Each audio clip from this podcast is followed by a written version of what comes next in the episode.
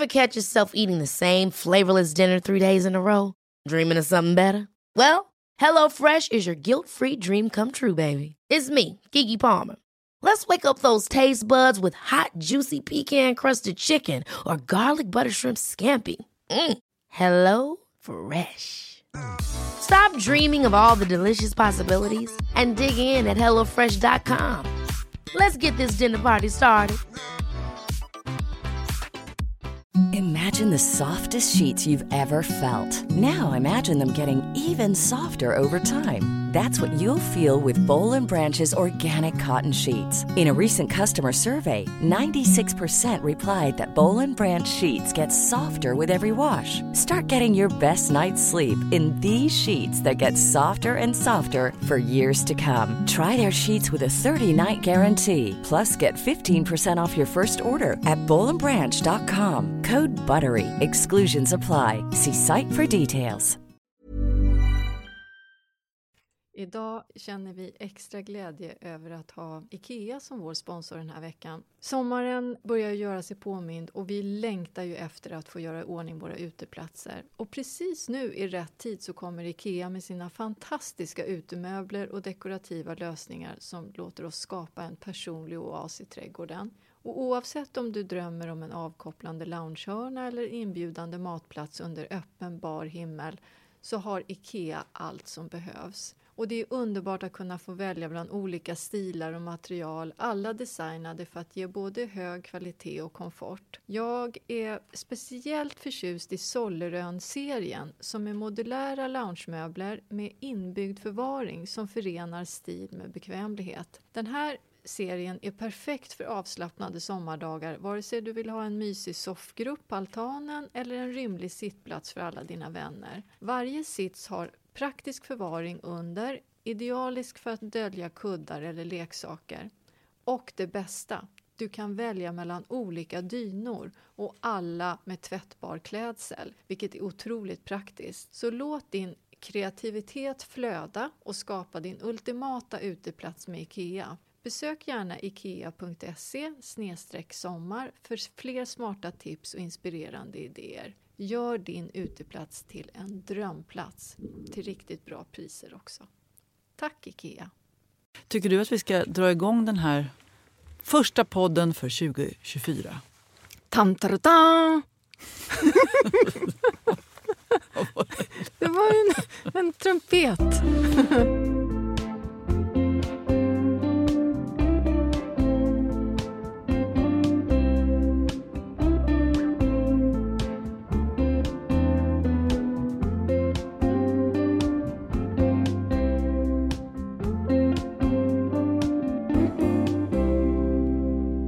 En trumpet från Victoria Skoglund.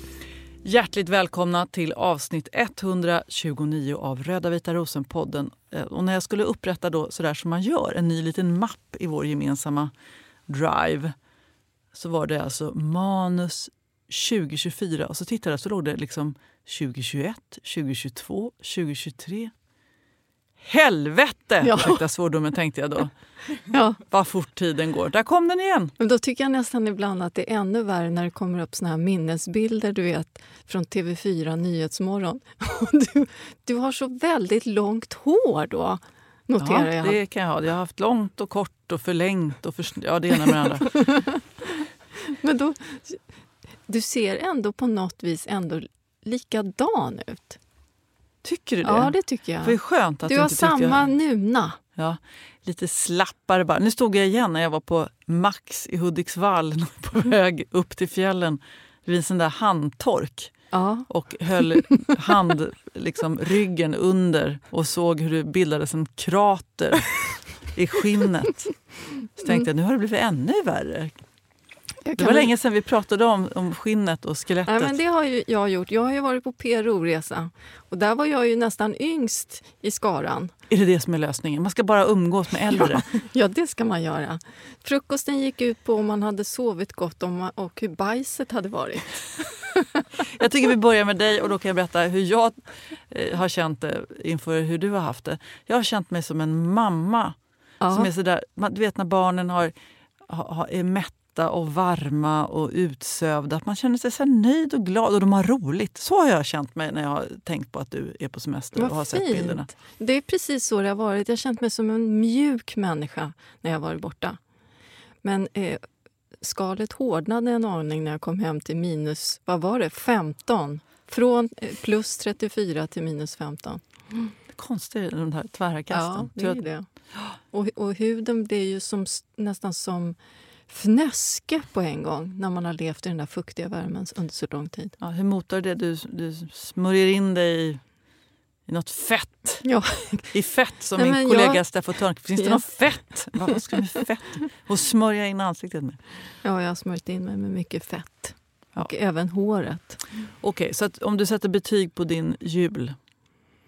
Den får tio vassa sekatörer utav tio möjliga. Den var toppen. Både jul och eh, nyår och alla de dagarna däremellan måste jag ändå säga.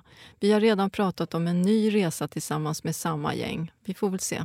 Du har ju ändå begått eh, debut som tjuv under den här resan också. Kan du berätta om det? Mm, det har jag. Det gör jag alltid på, på en sån här resa. Jag snodde med mig ett hibiskusskott. För utan våra, utanför vårt hotellrum så växte det en helt fantastisk hibiskus. Det var den mest vackra persikofärgade sort jag någonsin har sett. Så den där tog jag med mig och lindade in i lite eh, vått toapapper i en plastpåse. Så nu har jag stuckit ner det i en kruka där hemma så får vi se om det, om det funkar. Jag är lite sugen på att få ett skott kanske ifrån den. Jag har ju en hibiskus, då, den här från Västerås stadsbibliotek, men på 70-talet som jag inte har snott själv. Nej. Men jag, den är ju röd. Jag inser att nu har jag den inne i stan. Det, det är match. Det skulle vara mycket bättre med en aprikos. Ja, men få er den här att ta sig. Jag lovar, du ska få ett litet skott. Jag satte ju en, en annan hibiskus som var helt fantastisk i, i höstas i en kruka, för den är lite dåligt härdig som nu står i vårt garage, som heter Pink Chiffon. Som var som en, en, ser ut som en vallmo fast fylld. Otroligt fin, så den hoppas jag ska ha övervintrat. Hur har, vi har inte pratat om dig. Hur var julen? Hur gick det med det här schemat som du skulle dela ut till alla dina barn? Eh, det blev en utmärkt dygn på landet. Eh, men sen så var det en del av sällskapet som, det var ganska kallt, eh, som kom gående i, i liksom eh, paletå och lågskor i Oj då. princip. Och eh, de- tyckte det var, blev lite kyligt. Så här. Men, Ja. vad, vad har ni era varma kläder som det stod? Just den detaljen hade de missat. Ja. Vi har inga varma kläder. Så, eh, vi åkte hem, vi var där ett dygn och det, nej, men det var synnerligen lyckat. Överhuvudtaget så har, har det varit en, en skön, härlig, varm röra av unga människor som har liksom svävat in och ut i hemmet. Så du har umgåtts med unga människor och jag har umgåtts med, med, med ja, gamla, lite äldre. Mm. Vi hade också när vi firade nyår en, en ung, yngre person får man väl säga då, i vårt lilla, väldigt lilla sällskap. Så, här, så att vi blev lite nervösa och tänkte hur, hur fan, nu kommer hon... Och, jag vet inte, beroende på hur hon är så kan hon kanske ha någon podd eller någonting så kommer hon ha material för hela halvåret för har firat nyår med gamla människor. men, men det gick ganska bra. Så att jag känner att jag tycker att det här med ålder egentligen, om jag bortser från min upplevelse på Max i Hudiksvall, inte har haft någon som helst betydelse. Jag, jag skiter i det. Det var Ja. ett väldigt blandat He, all, alla tillställningar har varit väldigt uppluckrade mellan generationerna och det har varit underbart. Men visst är det härligt? Jag fick ju väldigt mycket konstiga meddelanden på mina sociala medier där det stod Stackars din man som får umgås med så mycket homosexuella män. Va? Det var väl... Ko- Nej men vad var det för idiot? ja, det kan man ju fråga sig. Det har jag inte ens reflekterat över. Men det kom. Så där vad ser man tröttsamt. Men fördomarna. den personen, det är bara att blocka. Ja, det var inte en heller. Skämtar du med Nej, mig? det är sant. Usch, jag, jag har en känsla av att det har blivit mer legitimt att släppa fram de här homofobiska eh, Kanske. tankarna runt om i landet nu. Mm. Men det knyter sig lite i magen när de där kommentarerna kommer. Det är ju lite obehagligt. Eh, Hur tänker du? Alltså utifrån, inte utifrån dig själv utan utifrån Ja, samhäll, alltså Från synen på ett människor. ja. samhällsperspektiv, Ja, att det är på det, för sättet. Jag tycker det är hemskt. Jag trodde att vi hade kommit lite längre än så. Jag tror, jag tror att vi hade det, eller var på väg i alla fall. Mm. Nu tror jag att ja, det har blivit mer legitimt att lufta de där rädslorna som jag väl någonstans tror att det handlar om längst inne. Mm. Usch, kan inte människor, varför? Ja. När det finns så mycket elände i världen, kan inte de som älskar varandra få göra det liksom, hur de vill i fred? I ja, fall, och vad är problemet? Jag, jag förstår inte, men okej. Okay. Vad svarar du någonting? Nej, jag svarar inte. Men jag hade lust att... Och, och, hade jag haft ett telefonnummer så hade jag ringt upp och skrikit käften.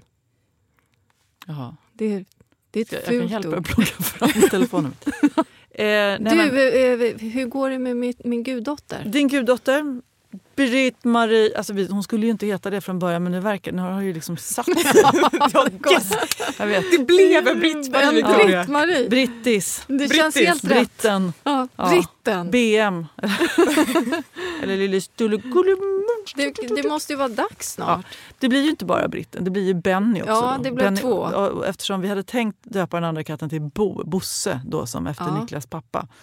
Bosse. Men den heter Benny redan. Så, och eftersom vi då tydligen har valt dubbelnamn till alla andra katter så fick det bli Benny Bo.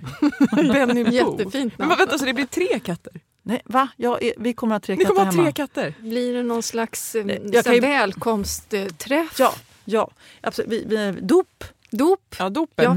Eller namnceremoni kanske. Ja. Jag vet inte vad Gud säger med, inför det här med att döpa djur. Men, Gud eh, säger ja. För du är Gud? Ja. det, det, det, får vi ordna helt enkelt. Ja. Nej, men, jag kan också säga anledningen till att det blev två är att vi konstaterade att Britt-Marie har eh, förmodligen någon form av bokstavskombination. Alltså, säger du det? Hon, hon är, i, på, hon är liksom framåt. Så skulle jag säga. Hon är en framåt liten kisse. En uppfriskande kisse. Ja, och Eva-Charlotte är en gammal kattdam. och då tänkte vi att det verkar lite fräckt faktiskt att, att Britt-Marie vill leka och Eva-Charlotte vill inte det och då kommer det kanske inte gå så bra. Så då får Benny följa med och det gulliga är att fodervärden då till de här kissarna berättade då för Britt-Marie att du ska flytta tillsammans med Benny. och sen dess är de som ler och långhalm. Ja, det är så. Och sover tillsammans. Och älskar varandra. Och möjligen att Benny är lite underkuvad. Benny är liksom, eh, citat eh, Fodervärldslisa, en, en så kallad healingkatt. Jaha, ja. Han bara kommer och lägger sig. Ja. Och somnar. Och utstrålar och god energi. Och... Ja, lugn, fin. Ja, och den andra? Britt-Marie. Jag, jag, kan säga, jag har inte riktigt lärt känna Britt-Marie ännu men jag kommer älska henne högt i hela, hela hennes register. Hon kanske är lite fladdrig. Jag, jag, jag, jag, kan inte svara oh, på det just Jag tror ändå att Britt-Marie, det är väl min guddotter? Ja, ja. för det är där vi kan behöva lite stöd och fostran. ja. Avlastning. ja, avlastning framför allt. Jag, jag står pall. Ja. Jag kommer att ställa upp. Det var också jag sa till min kära man. Så, okay. Han bara, men gud, vi kan ju ta knäppel. Vi ska absolut inte ta två kattungar. Aldrig i livet! Jag bara okej, okay. men du, du, nu har du ju, ser du ju Britt-Marie här. Um, det blir ju du som får leka med henne. Så att ja. För att Eva-Charlotte måste vi ju skydda lite. Och, och, då tog det tre sekunder så bara, ja vi kanske ska prata om det. Ja. Ja, de ser ju alldeles ljuvliga ut, det kan man inte säga ja. något om. Men, men jag känner lite som att så som man kan göra, gud vad har, vad har vi gjort så just nu faktiskt. För jag, är, jag är lite trött faktiskt men efter att inte haft så mycket semester. Ändå något med, nu när vi var bortresta, jag längtar så mycket efter våra katter så att det inte, det nästan verkar i min kropp. För jag är, jag är beroende att ha dem nära. Så när vi kom hem, det, Svante är ju min kisse, han vill ju bara vara med mig och gosa och gosa. Så när jag kom hem det första jag sa till honom, ska vi gå upp och gosa? Han sladdade! Så han sprang upp i sängen och stod där och stirrade på mig. Sen trampade han på mig varannan timme på mitt bröst hela natten. Och Sen la han sig och bara låg och stirrade så en centimeter från ansiktet. Och han hade längtade ja, du din mamma. Min Svante. Ja. Mm. ja, vi är tacksamma över djuren, att de står ut med oss och att vi försvinner ibland. Du Ellen, eh, jag vet inte om du vill eller kan eller får prata om det, men du har ju skaffat ett dayjob. Åh oh, gud! Berätta! Ja, det är otroligt. Det är ju faktiskt, jag började i måndags den 8 januari och jag har ju inte haft ett sånt här äh, liksom, riktigt jobb på väldigt länge som att jag varit frilansare. Men jag, men jag har gått tillbaka till skolan. Eller ja, till gymnasiet. Jag, vi, jag är så stolt och imponerad av dig och gläder mig också mycket över att du har, är en av samhällsbärarna till skillnad mot oss andra. Du fostrar en ny generation. Ja, på något vis. Och som klippt och skuren skulle jag säga också. Vad gör du på skolan? Jag är något som heter lärarassistent. Så att jag, jag håller på med administrativa saker lite grann och eh, jag liksom bistår lärarna med att hoppa in som vikarie lite grann och sådär. Men framförallt så umgås jag jättemycket med eleverna. Och det är en gymnasieskola. Och eh, det är eh, redan nu fruktansvärt roligt. Det är jätte, jättekul. Du strålar Ellen. Men så här, fast jag går upp klockan halv sex på morgonen så känner jag mig alldeles full av energi. För det är liksom någonting med att, att gå omkring bland de här ungdomarna och sen så alla är så olika och det är så här, det är så stor skillnad från att man är 15 tills man är 18 eller 19 när man tar studenten. Och de är så de är, de är så nyfikna på allting. Ja, ja, apropå generationsfrågan eh, som vi inledde med att tala om. Det är så skönt med unga människor också. Därför att själv, man, man blir lite dyster inför tillståndet i världen och hur det ska gå och sådär. Och det där är ju lite generationsfråga. Men då ska man fråga någon under 50 eller mm. 40 kanske, eller till och med under 25. Så får man ett bättre svar på mm. Nej, men de, tillståndet i världen. Ja men precis. Och de är verkligen nej, jättefina. Och jag har jätte, jättebra kollegor och eh, jag ser väldigt mycket fram emot att, att jobba hela den här våren och eh, och sen få komma hit och spela in mer. Det är vi ju ytterst glada för. för vi var ju lite oroliga nu. Ska ja, vi, nej, nej, vi kan ju inte byta producent. Jag har ju sagt hela tiden att jag kommer aldrig överge er. Nej, tack. Här kommer vi sitta. Det, hur går det med, det här är ju trots allt en trädgårdspodd då, som vi brukar påminna oss om emellanåt. Och eh, du verkar ha fått, återfått lusten till trädgård. Jag är lite för trött i och med att jag har jobbat hela julen mm. inte varit ledig. Jag försöker fokusera och tänka så här, vilka fröer är det jag ska ha. Jag, jag, har gått igång lite på några dahlior som jag vet att jag ska ha så småningom. Men, ska men du inte prova att fröså dahlior?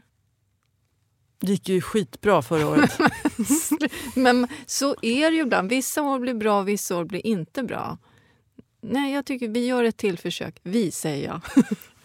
jag måste göra en plan. Jag måste faktiskt, jag, jag erkänner det här. Just nu är jag inte så trädgårdspepp. Är du inte? Nej, för jag, jag har, det har dykt upp massor med roliga saker i mitt andra jobb sådär, som jag kommer ta ganska mycket energi. Så att, ja, och, och sen så, kände, så är jag lite för trött för att... Jag försöker. Det, ja, nej, det går, jag, hittar inte, jag hittar inte pirret. Men det liksom. kommer. Det kommer. När, du vet när det börjar takdroppa och fåglarna och det smälter undan och så ser du jorden. Då är du. Jag är helt säker. Mm. Det, du har det i dig, Jenny.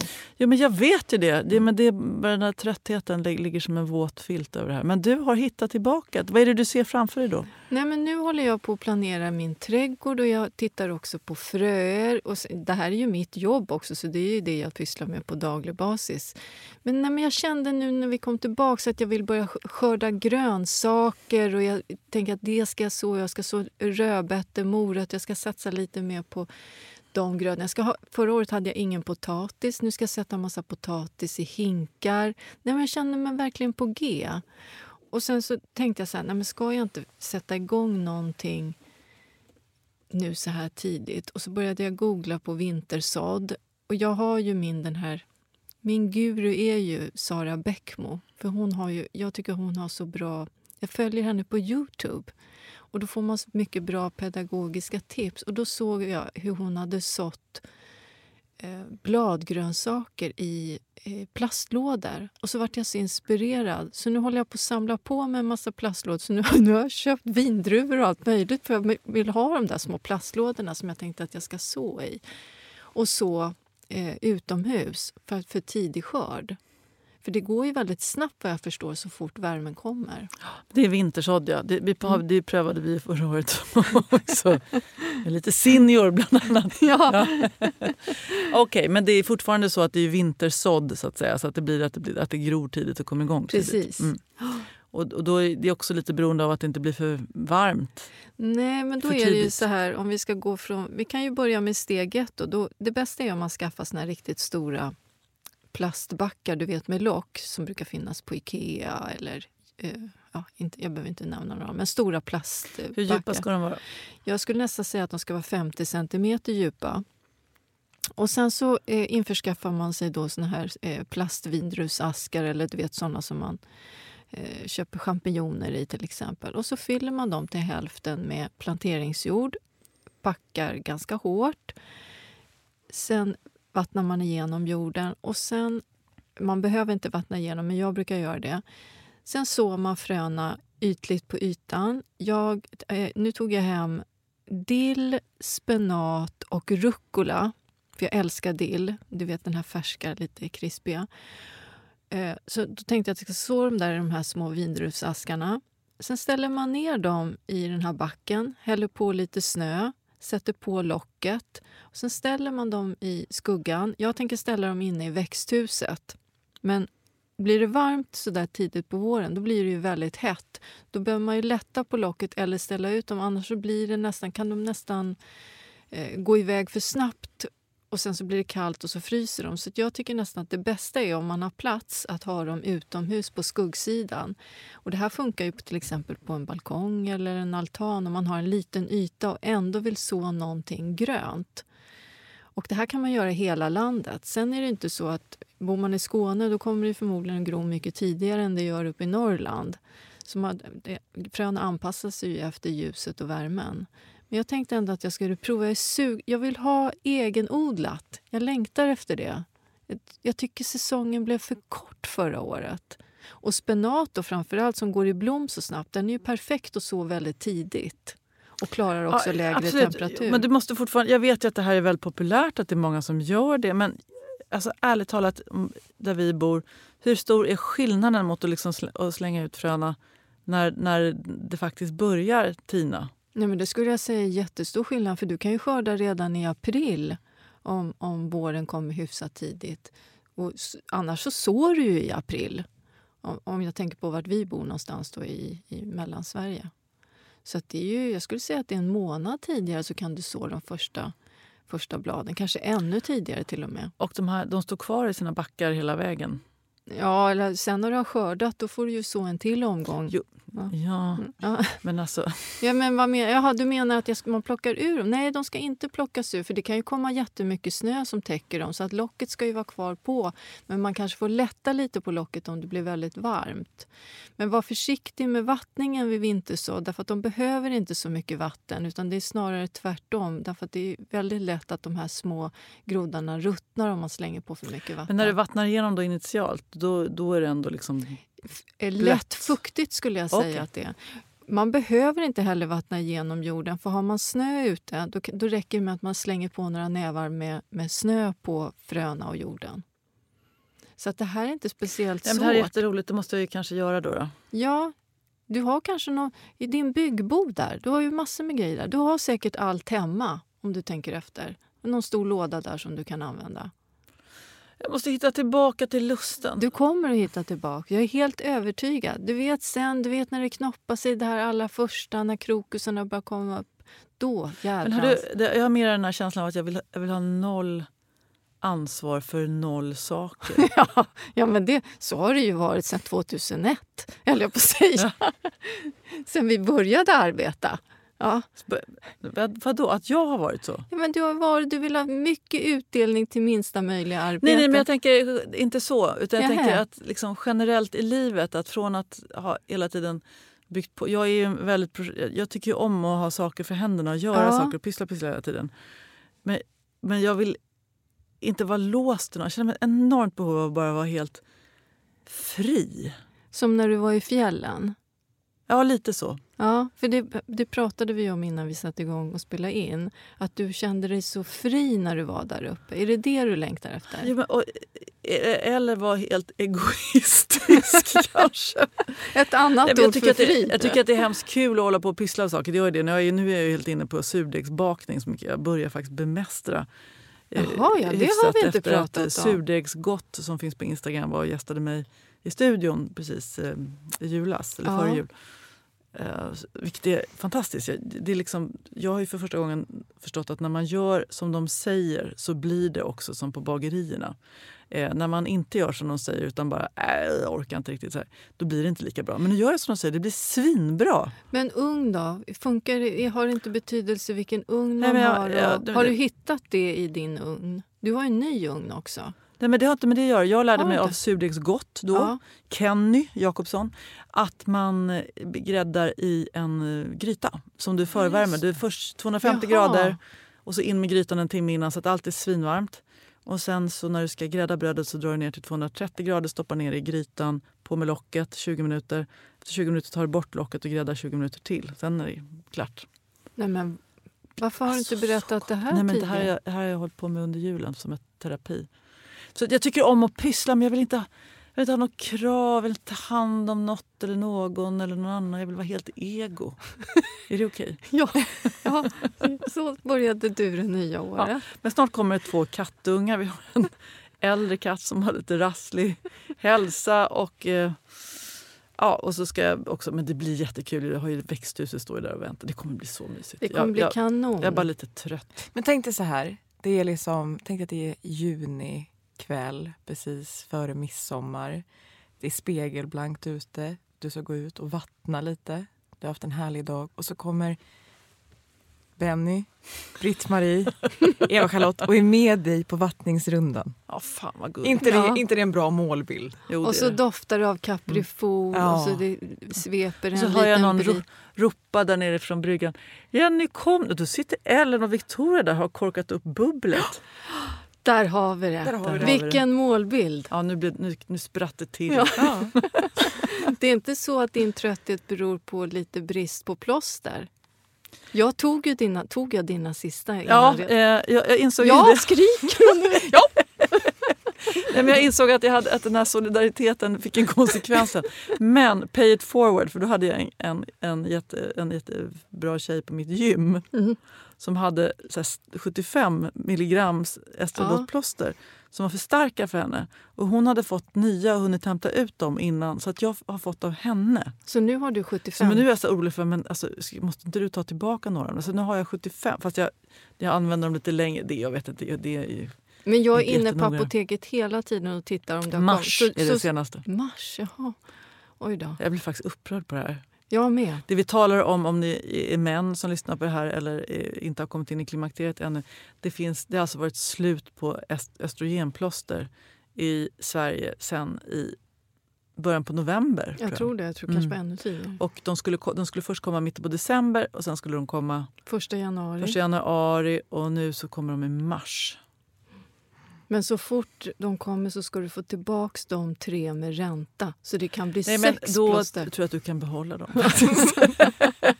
Sätt dem i pannan. Nu lämnar vi östrogenplåstren. Eh, Fast, även fast jag sympatiserar med alla som är i vår situation. Det gör vi. Och så måste vi kanske knyta ihop säcken lite grann för att det kliar ju i fingrarna hos de allra flesta utom hos mig då som är lite trött. Eller Det kliar i fingrarna hos mig också. På ett principiellt men inte praktiskt plan om du förstår vad jag menar. Vad kan man göra mer för att få utlopp för de här känslorna? Man kan ju börja så. Det finns ju en hel del. Man kan ju börja Det är ju väldigt tidigt, det är chili typ eller Chili. under tilläggsbelysning då. Ja, precis. Man måste ju ha växtbelysning. Förra året så sådde ju du chili. Det var för två år sedan. Var det för två? ja, men herregud, jag förstår inte vad tiden går. Och då när jag eh, satt och tänkte på det när vi skulle prata om den här podden, då började jag titta på bilderna som vi tog till boken. Och då finns det jättemycket bilder från eh, ditt fönster på Dalarö med superhöga, jättefina chiliplantor. Det kan hända att jag lyckades med dem faktiskt. Så det gjorde du. Sen fick alla spinn fram emot slutet på Var det någon säsongen. sort där som du tyckte så här, den här eh, ska jag så igen?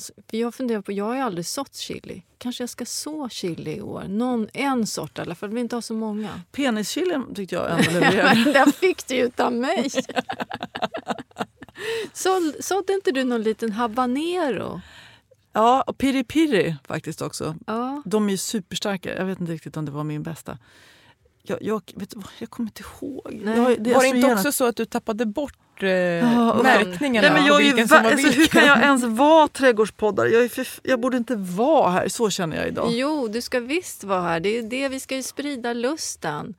Och så har jag tagit död på en av mina favoritmuskotpelargoner för jag fick för mig att jag skulle vinterförvara två pelargoner Ja, hemma i stan. Det var ju det sämsta jag kunde göra. Nej, men varför lät du inte vara kvar på Dalarö? Ja, exakt. Jag, har- jag har jättemycket grejer kvar på Dalarö det, och de trivs. Många stora som är fantastiskt eh, välmående just nu. Men nej, det gjorde jag inte. Jag tog död på dem. Men då var jag hemma hos eh, min kompis eh, Julia som har ett ateljéfönster med tilläggsbelysning. Och jag lovar att hon har så här hundra sticklingar från så här fantastiska pelargonsorter. Och så frågade jag sig, men gud vad många, hur, var tar du hand om de här någonstans? Hon bara, nej, nej, det är bara, jag kan inte ta livet av dem när jag har klippt mina pelargoner. Ja, kan jag få några? Ja, du får hur många du vill. Är det sant? Ja, så då blev den tidigare döden kompenserad av att jag nu kanske kan få Det några riktigt fint. fina sorter. kan jag kanske också få någon? Det kan du hoppa upp och sätta dig på. Vet vad jag önskar mig för någonting som, som jag tycker är så fint? Jag önskar mig abutilon. Um, vad heter den på svenska? Klockmalva. Du vet den här gamla krukväxten som är lite så här sirlig. Jag vill ha en rosa. Och då såg jag en, en, en för detta kollega till mig som hade lagt upp på Instagram att hon hade en rosa. Så tänkte jag, kan jag våga mig på att tigga Erika, jag säger det i podden om du lyssnar. Kan du skicka en stickling på den där rosa klockmalvan? Älskar klockmalva och jag har lyckats ta död på, på den jag hade som var lite så här gul-orange, jättefin. Nu vill jag ha en rosa. Mm. Så om någon har en rosa abutilon, rosa klockmalva så betalar jag för den där sticklingen, även frakten om jag kan få en Även sån. frakten. Du Ja. menar att de behöver inte skicka, betala det ur egen ficka? Nej, jag betalar allt. Jag kan betala lite extra också, bara få en rosa. Jag vill rosa inte ha en gul, jag vill inte ha en orange, inte en april. Jag vill ha en Ja, rosa. ja, det. Eller möjligtvis en vit. För vi har, vi har sålt såna ibland i handelsträdgården. Men när de kommer, då är de retarderade. Och jag blir tokig på det där, för då har, får de ett väldigt konstigt växtsätt innan det här retarderingsmedlet släpper. Jag vill ha dem, att de ska vara vilda. De ska se eh, stökiga ut i sitt växtsätt. Vilken härlig dröm. Jag tror att kanske vi kan få hjälp av någon av våra begåvade Mm. odlare till poddlyssnare. Vi har ju fått in eh, flera eh, mejl också under vår julledighet. Och en, ett kommer ifrån Maria Örebro. Hej på er kära rosor. Jag har fått en favoritsommarblomma de senaste åren, rosa svartöga. I år, eller visst jag i fjol var det ju, så blommade den lite sent men höll i desto längre. Jag provade att ta sticklingar, ganska många. Några togs inte alls, men ett par har fått massor med rötter. Alla blad har dock vissnat, så det är bara några kala små pinnar ovanför vattnet. Kan de ändå funka att plantera eller är det bara att kasta? När ska jag i så fall plantera dem och hur? Eller skulle jag gjort det i höstas? Vill gärna veta till nästa år. Jag menar förstås i år. Varma inomhuskramar Maria i Örebro. Ja, och då, eh, då blev jag lite... För jag, jag vet inte riktigt det här med svartöga, för jag har inte provat själv. Eh, men då kom jag på att vi hade ju fått ett tips tidigare utav en lyssnare eh, som heter Therese i Småland. Och då tänkte jag, läser upp eh, hennes svar som jag hittade här i, i vår inbox. Hej på er! Ni har pratat en del om svartöga och då måste jag bara berätta och tipsa om att jag kunde övervintra min fina vita jag hade förra året i uterummet. Klippte helt enkelt av en fin ranka och hade i vatten hela vintern i ett fönster och planterade den sen i en kruka när det, när det började våras. Skicka med en bild. Man blir så lycklig, särskilt detta år när mina luktärtor inte blev något alls med och fulla med löss. Hälsningar från Therese. Så då skulle jag nog säga att det här kommer säkert gå alldeles utmärkt. Däremot så tror jag att hon ska vänta lite mer innan hon sticker ner dem i jord. Därför att jag, om hon inte har tilläggsbelysning. Så att jag skulle säga kanske i början på mars skulle jag sätta den här sticklingen i jord. Låta den stå kvar i, i, det här, i vattnet tills, tills dess. Eh, en till fråga om det här med vinter och växter och våren som snart kommer.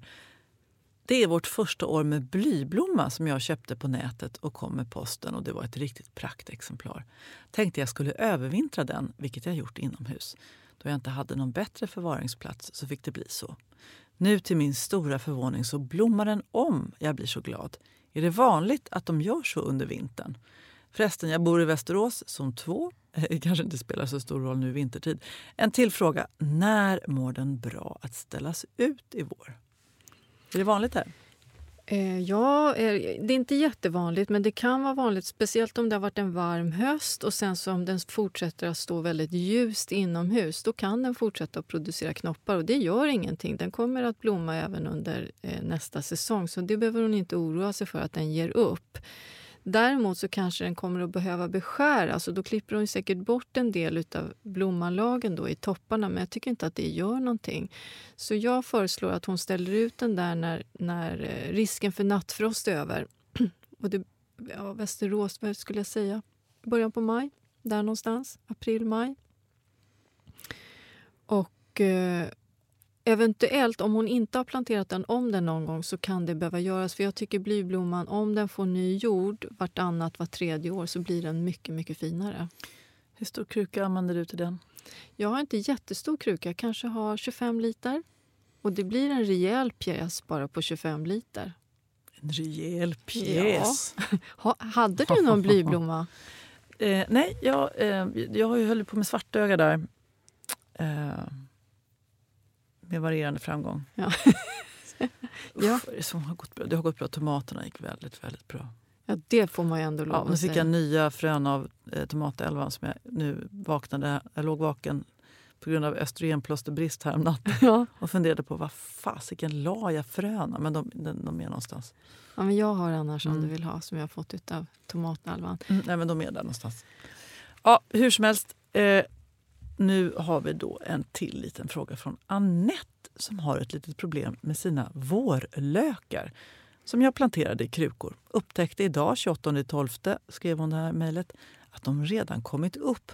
Jag antar att det stått för varmt nere i källaren. Vad gör jag nu?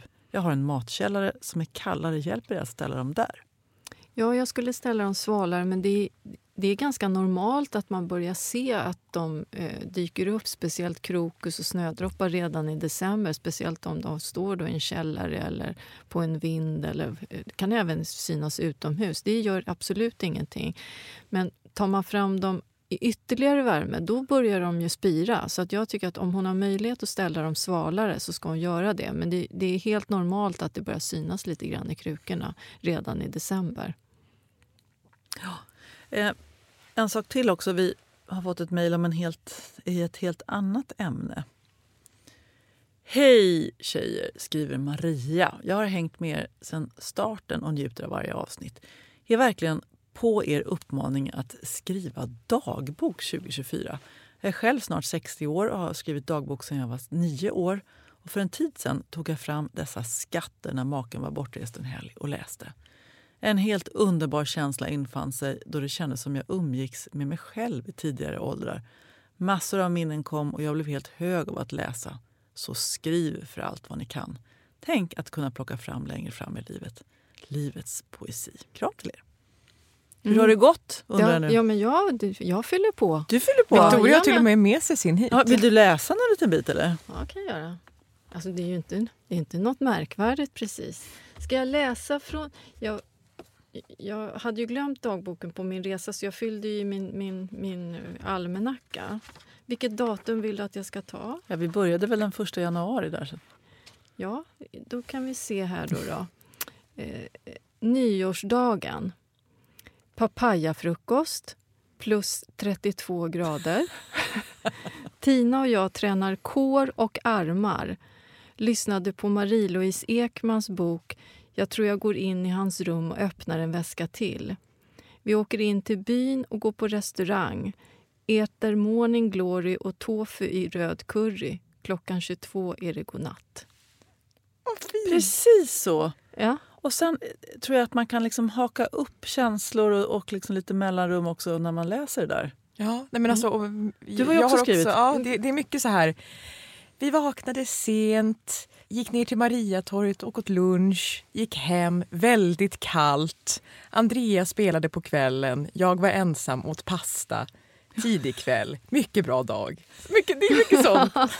Men det är ändå, när man skriver det så känns det lite så här, är det här någonting att skriva om? Men när man går tillbaka sen, då är det väldigt roligt. Mm, jag, jag har märkt återkommande saker. Det är temperatur, Sinnesstämning. Ja, precis. Sinnesstämning.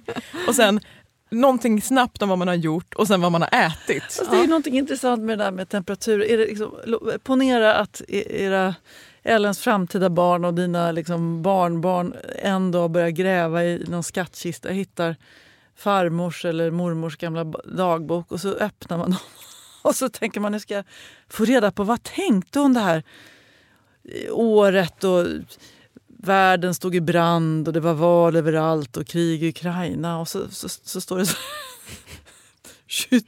20 grader växlande molnighet, spridda skurar. Jag vet inte riktigt. Åt spagetti och köttfärssås. Men kriget i Ukraina uteblev. Ja, eller, eller bara så, vad tänkte hon? Var hon rädd? Sådär, var, var, var, hon, var, var, liksom, var farfar snäll mot Nej, henne? nu, Nej, men du vet. Man tänker ju ändå att i din dagbok borde det finnas lite mer nyhetssammanhang, eller? Jag vet att det är lite för få rad. Jag tycker att det är lite för kort. Jag har köpt mm. för snål dagbok bara. Det är det. Å andra sidan så tänker jag att det är bättre att man skriver. Men jag, men jag kommer på också, och det här är faktiskt en uppriktig fråga. För att när det är så sociala tillställningar så, så tar det ganska mycket plats att skriva vilka som var där. Ja. Jag skriver bara Är det första... intressant eller ointressant? Så här, var på middag. Fredrik och Ulrika, eh, farbror Robert, eh, Men du, du vet Steffo och Karo. Eller, eller... Vet du vad man kan göra? Tänk dig som du vet de här Elena Ferrante-böckerna till exempel. Där det är som ett personregister för det är tusen så man måste hela tiden gå tillbaka och titta. Om man gör längst bak förkortningar. Koder. Ja, eller inte koder, men det kan vara så här ST, då vet man. Det är Ste då har du varit med Steffo. S och C tillsammans, det är Steffo och Carro. Och så ja, kan den, man då, är inte, den är inte dum för jag skriver, alltså, till exempel, och spaghetti med ST, CT, PQ och 18 grader växlande molnighet. De bara, Men jag måste bara fråga, skriver ni ut namn på era partners eller skriver ni bara en? en? Jag, för jag börjar skriva, jag skriver bara A och sen tycker jag att det är lite larvigt.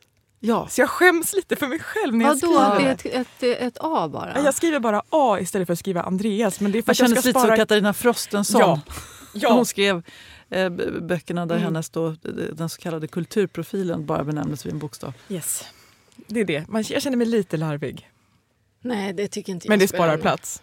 Ja, nej, men det får nog, jag ska nog använda J bara. Mm. Så får det bli. Jag läste ju min farmors dagböcker ganska tänk om nyligen. Du, tänk om så här, gick och la mig sent med J. Va? Var, var hon lesbisk? Jag visste de hade ett förhållande hela tiden. Det var det man misstänkte. Ja, vi ska starta podd. Du måste skriva Jo. Ja. Eller JP, Johan Petersen heter han ju. Ja. Då hade jag skrivit JS. JP. Fast det där att kalla sin partner för efternamn det kanske är lite avståndstagande. Eller så skriver jag Polsvetsan. Ja. ja då, då vet PS. ju alla att det var rätt man jag gick och la mig med. Ja, men det är jättelångt. Polsvetsan. PS. PS. Jag kommer ihåg det här behöver vi inte ta med. Nej, jag, skri... jag spetsar öronen. Nej, jag känner att jag dras varm ska berätta det här.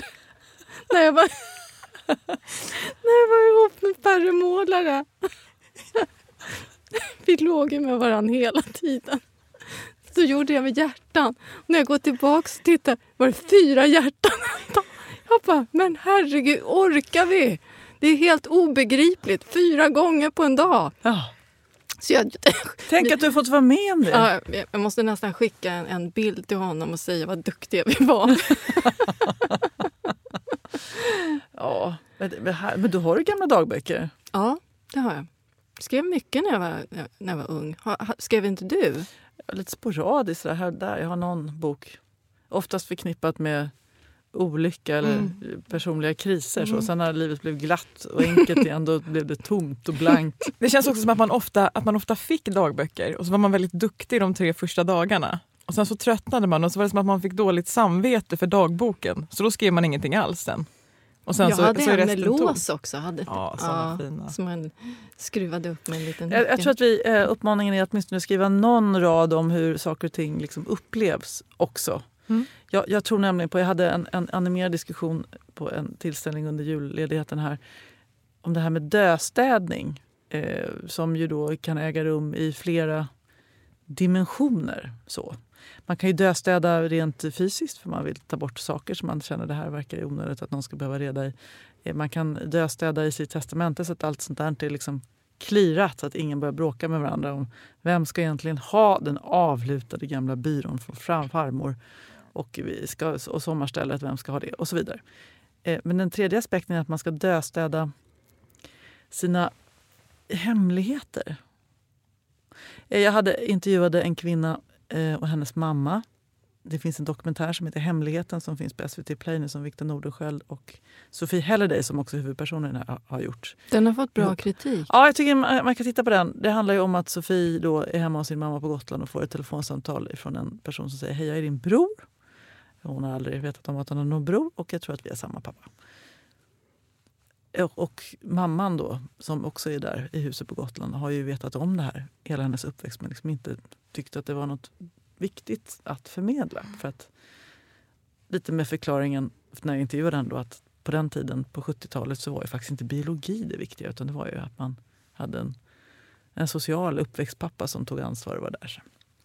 Men den är väldigt fin. Men då, då handlar det om att den här biologiska pappan är ju lite mer andlig och är, har ett, är på ett ashram i Indien och är någon slags guru där nere.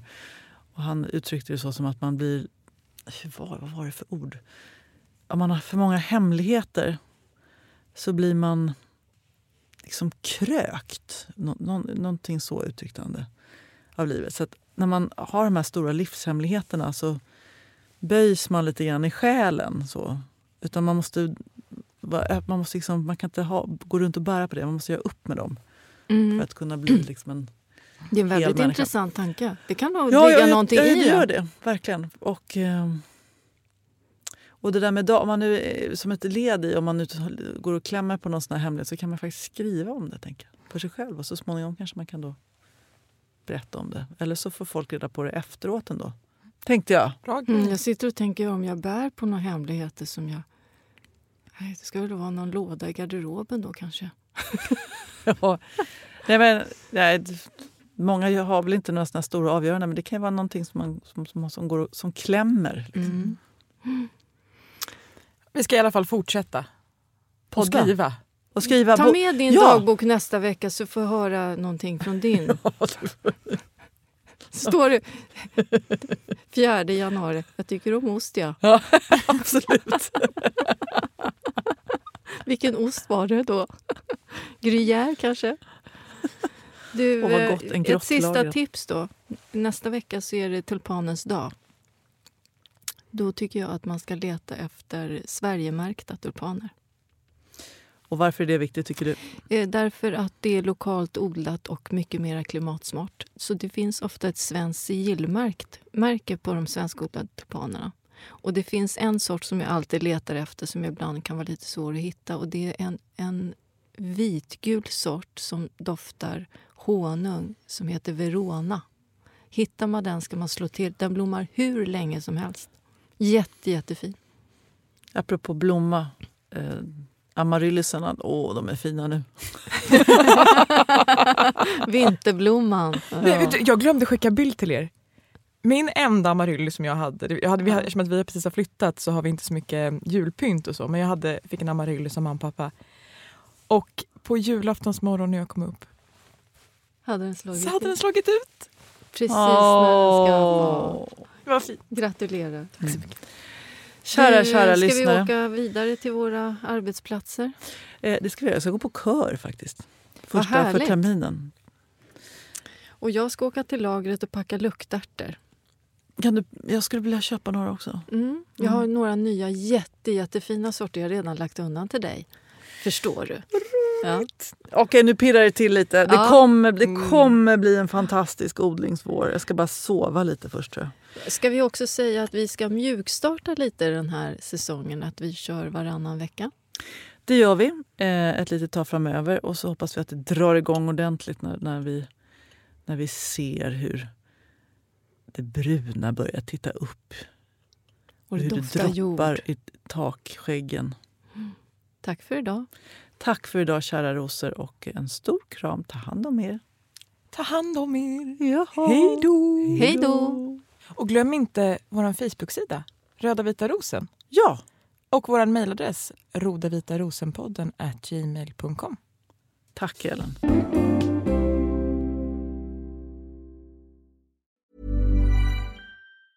Ever catch yourself eating the same flavorless dinner three days in a row? Dreaming of something better? Well, HelloFresh is your guilt free dream come true, baby. It's me, Gigi Palmer.